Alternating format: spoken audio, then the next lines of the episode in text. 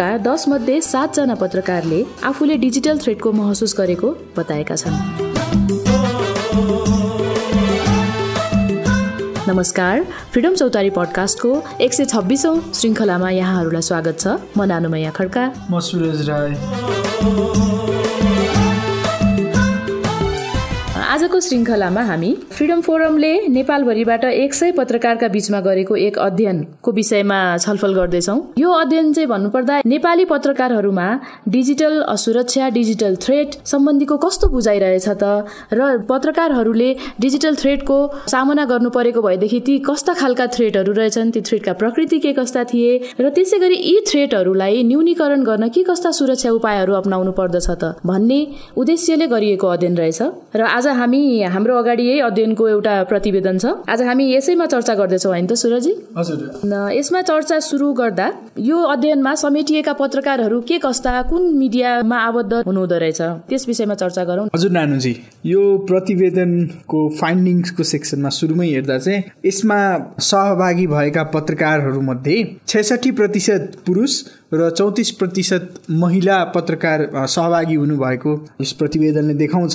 र सञ्चार माध्यमको आधारमा हेर्ने हो भने सबभन्दा बढी त्रिचालिस प्रतिशत पत्रकारहरू नेपाली अनलाइन माध्यमबाट जोडिनु भएको छ र त्यसपछिको दोस्रो सबभन्दा बढी चाहिँ पत्र पत्रिकाहरूमा संलग्न रहेको यस प्रतिवेदनले देखाउँछ। त्यसरी नै मिडिया सञ्चालन क्षेत्रको आधारमा यस प्रतिवेदनमा सबभन्दा बढी प्रादेशिक स्तरको सञ्चार माध्यमहरूबाट पत्रकारहरू सहभागी हुनुभएको छ जुन कि चालिस प्रतिशत हो।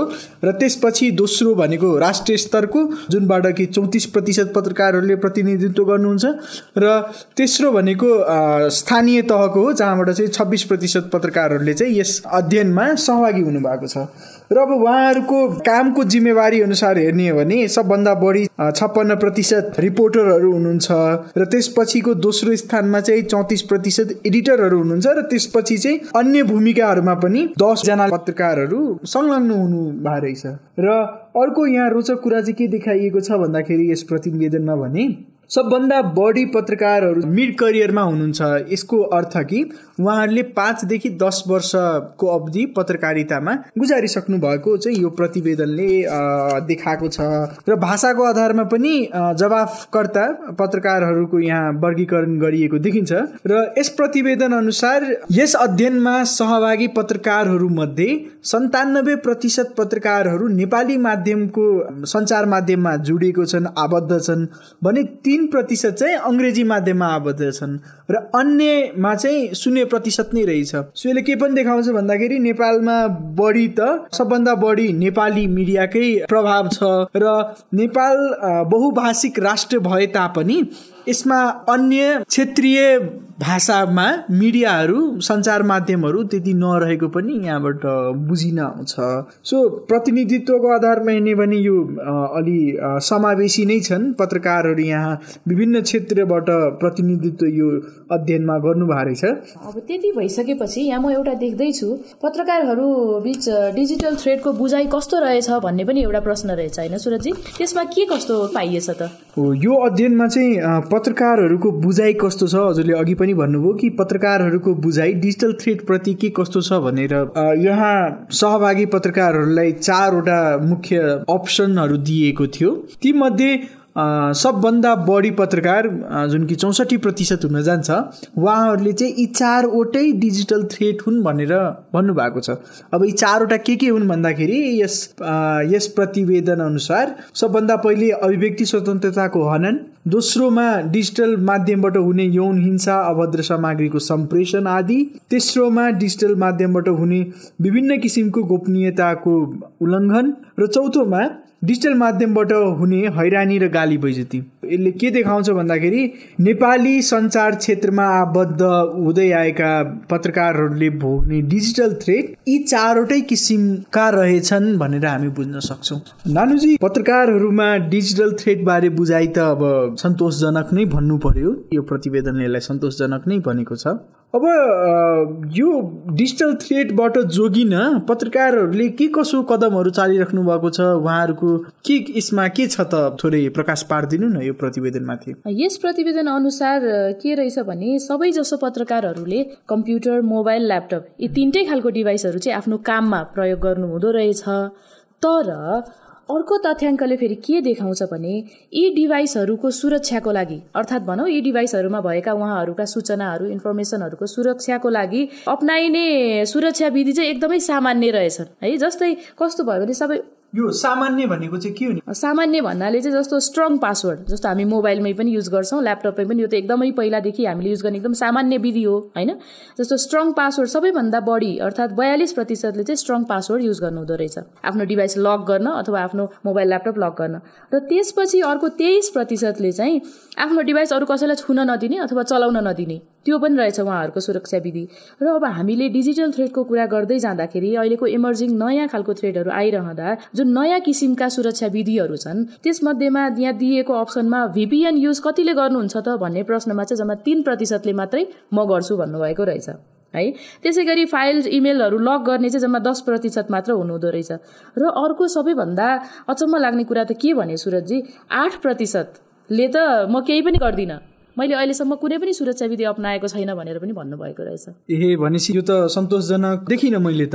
अब यस्तो सामान्य विधि प्रयोग गर्ने पत्रकारहरूको चाहिँ यो डिजिटल थ्रेडको अनुभूति चाहिँ कस्तो रहेछ? उहाँले चाहिँ आजसम्म गर्नु भएको छ कि छैन? किनभने मलाई त लाग्दैन कि यस्तो सामान्यले उहाँहरूलाई डिजिटल थ्रेडबाट जोगाउँछ होला। यो प्रतिवेदनले के भन्छ त? हो तपाईँले एकदम सही भन्नुभयो।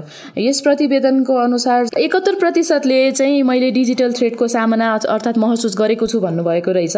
र त्यो एकहत्तर प्रतिशत मध्ये एक्काइस प्रतिशत महिला र पचास प्रतिशत चाहिँ पुरुष पत्रकारहरू हुँदो रहेछ। अब यस तथ्याङ्कबाट यो चाहिँ भन्न सकिन्छ कि यो सामान्य विधिबाट पत्रकारहरू डिजिटल चुनौतीबाट जोगिन सक्नुहुन्न। र अझ अहिलेको यो नयाँ डिजिटल युगमा त झनै उहाँहरूलाई एकदमै गाह्रो हुन सक्छ आफ्नो सूचनालाई सुरक्षा गर्नलाई। र त्यसपछि अब सुरजजी यहाँ म अर्को प्रश्न देख्दैछु।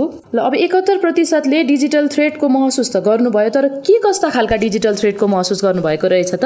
त्यो हेरौँ न एकचोटि। हो यो पनि एकदमै रोचक प्रश्न हो। नेपाली सञ्चार माध्यममा आबद्ध पत्रकारले के कस्ता किसिमका डिजिटल थ्रेडहरू अनुभूति गरिराख्नु भएको छ? अब यसमा चाहिँ चार किसिमको मुख्य चुनौतीहरू छन् जुनमा कि सबभन्दा बढी पत्रकार अर्थात् उन्चालिस प्रतिशत पत्रकारले चाहिँ हैरानी गाली बैजती नै भोग्नु भएको रहेछ। त्यसपछिको दोस्रोमा चाहिँ ह्याकिङ पर्छ जुन कि पच्चिस प्रतिशत पत्रकारले भोगिसक्नु भएको छ। त्यसपछिको दोस्रोमा चाहिँ कानुनी तथा भौतिक कारवाही पर्छ जुन कि छब्बिस प्रतिशत पत्रकारले भोगिसक्नु भएको छ र यस प्रतिवेदन अनुसार यो कानुनी र भौतिक कारवाही भनेको अभिव्यक्ति स्वतन्त्रता र अन्य स्वतन्त्रताको हनन हो। र तेस्रो सबभन्दा ठुलो चुनौती भनेको ह्याकिङ हो जुन कि पच्चिस प्रतिशत पत्रकारहरूले सामना गरिसक्नु भएको रहेछ। त्यस्तै म यहाँ देख्दैछु अर्को यो सात प्रतिशत पत्रकारहरूले चाहिँ यौन दुर्व्यवहारको पनि सामना गर्नुभएको रहेछ होइन? त्यही सात प्रतिशतमा सबैभन्दा बढी चाहिँ महिला नै हुनुहुँदो रहेछ। हो यो प्रतिवेदनले त्यो कुरा यहाँ खुलाएको छ। र यसरी महिला पत्रकारहरूलाई डिजिटल माध्यमबाट गरिने यो यौन दुर्व्यवहार चाहिँ एकदमै चिन्ताजनक कुरा हो त्यस्तै सुरजजी यहाँ म अर्को एउटा कुरा पनि जोड्न चाहेँ मैले। जस्तो ह्याकिङमा जस्तो तपाईँले पच्चिस प्रतिशत पत्रकारहरूले चाहिँ ह्याकिङको शिकार भएको भन्नुभएको रहेछ होइन? यो तथ्याङ्कले चाहिँ के देखाउने रहेछ भने उहाँहरूमा आफ्नो डिजिटल डिभाइसहरूलाई कसरी सुरक्षा गर्ने भन्ने विधि नै थाहा छैन। अर्थात् जुन हाम्रो अघिल्लो तथ्याङ्क थियो उहाँहरूले चाहिँ स्ट्रङ पासवर्ड मात्र प्रयोग गर्ने र आफ्नो डिभाइस अरूलाई चलाउन नदिने। यस्ता खालका सामान्य सुरक्षा विधि अप्नाएको कारणले नै पनि हुनसक्छ उहाँहरू चाहिँ ह्याकिङको शिकार हुनुभएको। त्यही भएर यसमा चाहिँ के देखिन्छ भने पत्रकारहरू माझ पनि डिजिटल साक्षरताको चाहिँ एकदमै खाँचो छ। डिजिटल साक्षरता बढाउनु चाहिँ एकदमै महत्त्वपूर्ण छ अहिलेको समयमा। हो नानुजी तपाईँले एकदमै सही भन्नुभयो। अब यो प्रतिवेदनले पत्रकारहरूले कस्तो किसिमको डिजिटल थ्रेटहरू महसुस गरिराख्नु भएको छ नेपालमा त्यो कुरा त खुलाएको छ। अब उहाँले त्यस विरुद्ध चाल्नु भएको कदमहरूको बारेमा यो प्रतिवेदनमा केही छ कि? यो तथ्याङ्क हेर्दाखेरि चाहिँ अलि उदेक लाग्दो छ। किनभने सबैभन्दा बढी अर्थात् बयालिस प्रतिशतले चाहिँ यो घटनाको विषयमा आफ्ना साथीभाइ र घर परिवार परिवारमा मात्र सुनाउनु भएछ र त्यसपछि बिस प्रतिशतले आफ्नो सञ्चार माध्यम र सम्पादकसँग सेयर गर्नुभयो। अर्थात् उहाँहरूलाई रिपोर्ट गर्नुभयो। त्यसपछि चाहिँ पत्रकार महासङ्घलाई रिपोर्ट गर्ने पत्रकारहरू सोह्र प्रतिशत मात्र हुनुहुँदो रहेछ। र अर्को के छ भने सुरजजी यहाँ एकदम नोट गर्नुपर्ने कुरा चाहिँ राष्ट्रिय मानव अधिकार आयोगमा खबर गर्ने अर्थात् यो घटनाको विषयमा राष्ट्र मानव अधिकारमा रिपोर्ट गर्नुभयो कि भएन भन्ने यो प्रश्नमा चाहिँ कसैले पनि गर्नुभएको रहेनछ कि? यो के कारणले त होला? यसरी राष्ट्रिय मानव अधिकार आयोग भनेको त राज्यको एउटा मानव अधिकार संरक्षणको त ठुलो संस्था हो यसको त दायित्व नै त्यही हो। तर राष्ट्रिय मानव अधिकार आयोग जस्ता संस्थाकोमै यस्तो उजुरीहरू नपर्नुको कारण के होला त? यसलाई यसरी हेर्न सकिन्छ जस्तो यस्तो खालको संस्थाहरू प्रति चाहिँ पत्रकारहरूलाई विश्वास नभएको पनि हुनसक्छ। अर्थात् अब पत्रकारको पहुँचै नभएको पनि हुनसक्छ कतिपय अब ठाउँ हेरेर पनि होइन? अब पहुँचको कमी अर्थात् विश्वासको कमी नै हुनसक्छ त्यो चाहिँ। अनि तपाईँले सुरुमै गजबको तथ्याङ्क भन्नुभयो कि बयालिस प्रतिशतले आफ्नो घर परिवार र साथीभाइ माझ कुरा गर्छन् र थोरै प्रतिशत आफ्नो सञ्चार गृह अथवा सम्पादककोमा जान्छन् र त्योभन्दा पनि थोरै चाहिँ पत्रकार महासङ्घ कुमा जान्छन्। यसलाई चाहिँ कसरी बुझ्ने हामी? यो पनि के हजुरले अघि भने जस्तै विश्वासकै खाँचो हो कि के हो यो? यसमा चाहिँ उहाँहरूमा अब जस्तो होइन हाम्रो देशमा यस्तो विद्यमान कानुन छ हामीले चाहिँ प्रहरीमा पनि गएर रिपोर्ट गर्नुपर्छ प्रहरीमा पनि गएर रिपोर्ट गर्न सकिन्छ भन्ने खालको अवेरनेसको पनि कमी हो कि भन्ने जस्तो पनि देखिन्छ। किनभने जम्मा पाँच प्रतिशतले मात्र एफआइआर दर्ता गर्नुभएछ कि? प्रहरीकोमा गएर। यत्रो अब हाम्रो जस्तो सबै पत्रकारहरू मध्ये चाहिँ एकहत्तर प्रतिशतले त डिजिटल थ्रेडको मैले सामना गरेको छु भन्नुभएको छ होइन? त्यो मध्ये जम्मा पाँच प्रतिशतले मात्र एफआइआर दर्ता गर्नुभएको रहेछ। र अर्को कुरा सुरजजी यस्तो खालको जस्तो अब पाँच प्रतिशतले मात्र उजुरी दिनु र सबैभन्दा बढीले चाहिँ साथीभाइ र घर परिवारलाई मात्र भन्नु होइन? त्यसै गरी जुन नागरिक समाजलाई पनि खबर नगर्नु यस्तो खालको यो ट्रेन्डले चाहिँ के पनि देखाउँछ भने यसरी कुनै पनि घटना अर्थात् यो डिजिटल थ्रेडको कुनै पनि घटनालाई यसरी लुकाउँदै जाँदाखेरि पीडकलाई थप उत्प्रेरणा मिल्न सक्छ र भविष्यमा उसले अझ बढी क्राइमहरू पनि गर्न सक्छ। अब यस्तो खालको थ्रेटहरूको सामना त गरेको देखियो। उहाँहरूले अब कतिपय चिजहरू सेयर नगर्नु भएको पनि देखियो भने। अब यसले उहाँहरूमाथि कस्तो खालको असर परेछ त सुरजी? अर्को म यहाँ देख्दैछु यो थ्रेटहरूको असर भनेर के के रहेछ एकचोटि हेरौँ न। यसमा सबभन्दा बढी पत्रकारहरूले चाहिँ के भन्नुभएको छ भने यसले मलाई सचेत बनायो भनेर भन्नुभएको छ। पैँतालिस प्रतिशतले चाहिँ मलाई सचेत बनायो भन्नुभयो। चौबिस प्रतिशतले चाहिँ ममा डर र मानसिक तनाव बढेर गयो भनेर भन्नुभएको छ। एक प्रतिशतले ममा केही पनि फरक पारेन र सत्र प्रतिशतले चाहिँ यसले मेरो काममाथि प्रभाव पार्यो र मेरो काम अलि ढिलो हुन गयो भनेर जवाब दिनुभएको छ। यसले के पनि देखाउँछ भन्दाखेरि एउटा यो सेल्फ सेन्सरसिप आउँछ कि भन्ने डर चाहिँ मलाई यहाँ लागिरहेछ यसरी। यो जुन पैँतालिस प्रतिशत पत्रकारले यसले मलाई अलर्ट बनायो भन्नुभएको छ नि सचेत बनायो भन्नुभएको छ कहीँ यो सचेतनाले उहाँहरूलाई सेल्फ सेन्सरसिपमै नलगोस् भन्ने चाहिँ मलाई एउटा डर लागेको छ। है जुन कि यो प्रतिवेदनमा पनि अङ्कित गरिएको छ। र यसरी यो बढ्दो गएको यो फियर मेन्टल स्ट्रेस र यो कार्य सम्पादनमा जुन ढिलाइ छ यसले चाहिँ पत्रकारहरूको प्रोफेसनल र पर्सनल सेफ्टीको कुरा चाहिँ क्रिटिकली उठाउँछ जस्तो लाग्छ। भनेपछि सुरजी यी जवाफहरूको आधारमा हामीले चाहिँ हेर्दाखेरि पत्रकारहरू चाहिँ साँच्चै नै डिजिटल थ्रेडबाट निकै नै प्रभावित हुनुहुँदो रहेछ होइन? र यस किसिमका घटनाहरूमा शान्त रहँदा त उहाँहरूमा झन्नै थ्रेड बढेर उहाँहरूको कार्य सम्पादनलाई पनि असर गर्ने भयो होइन त? हो नानुजी। अब चाहिँ पत्रकारहरूको अनुसार यी डिजिटल थ्रेडहरूको कारक तत्व चाहिँ के रहेछ? थोरै प्रकाश पारिदिनुहोस् न। यस अध्ययन अनुसार कारक तत्वमा हेर्दाखेरि चाहिँ सबैभन्दा बढी अर्थात् बाइस प्रतिशत पत्रकारहरूले डिजिटल साक्षरताको कमी भनेर नै औल्याउनु भएछ। र त्यसपछि त्यसपछि एक्काइस प्रतिशतले चाहिँ कानुनको अभाव अर्थात् कानुनको फितलो कार्यान्वयनलाई पनि यस्ता खालका डिजिटल थ्रेडका कारक तत्व भनेर औल्याउनु भएको रहेछ। र त्यसै गरी बिस प्रतिशतले कानुनको कार्यान्वयन गर्ने निकायको उदासीनता पनि कारक तत्व हो भनेर पनि भन्नुभएको रहेछ। र यसबाट के थाहा हुन्छ भने पत्रकारहरूलाई पनि डिजिटल साक्षरताको अथवा तालिमको अर्थात् उहाँहरूलाई डिजिटल साक्षरता सम्बन्धीको ज्ञानको चाहिँ एकदमै खाँचो भएको पनि यो तथ्याङ्कबाट पनि देखिन्छ। र यसमा चाहिँ उहाँहरूले स्वयं पनि स्वीकार्नु भएको छ कि उहाँहरूमा डिजिटल साक्षरताको कमी छ।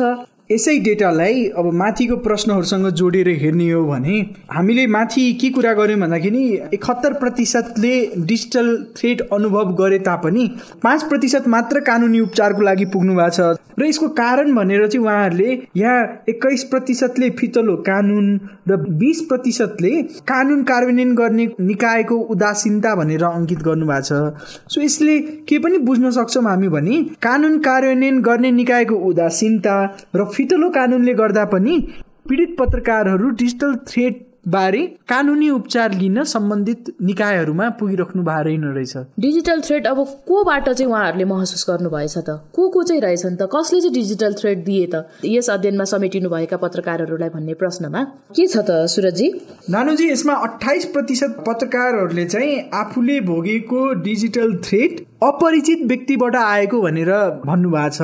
र दोस्रो सबभन्दा ठुलो थ्रेड गिभर चाहिँ समाचार सामग्रीमा उल्लेख भएका पक्ष वा व्यक्ति रहेको यहाँ उल्लेख गरिएको छ जुन कि छब्बिस प्रतिशत रहेछ।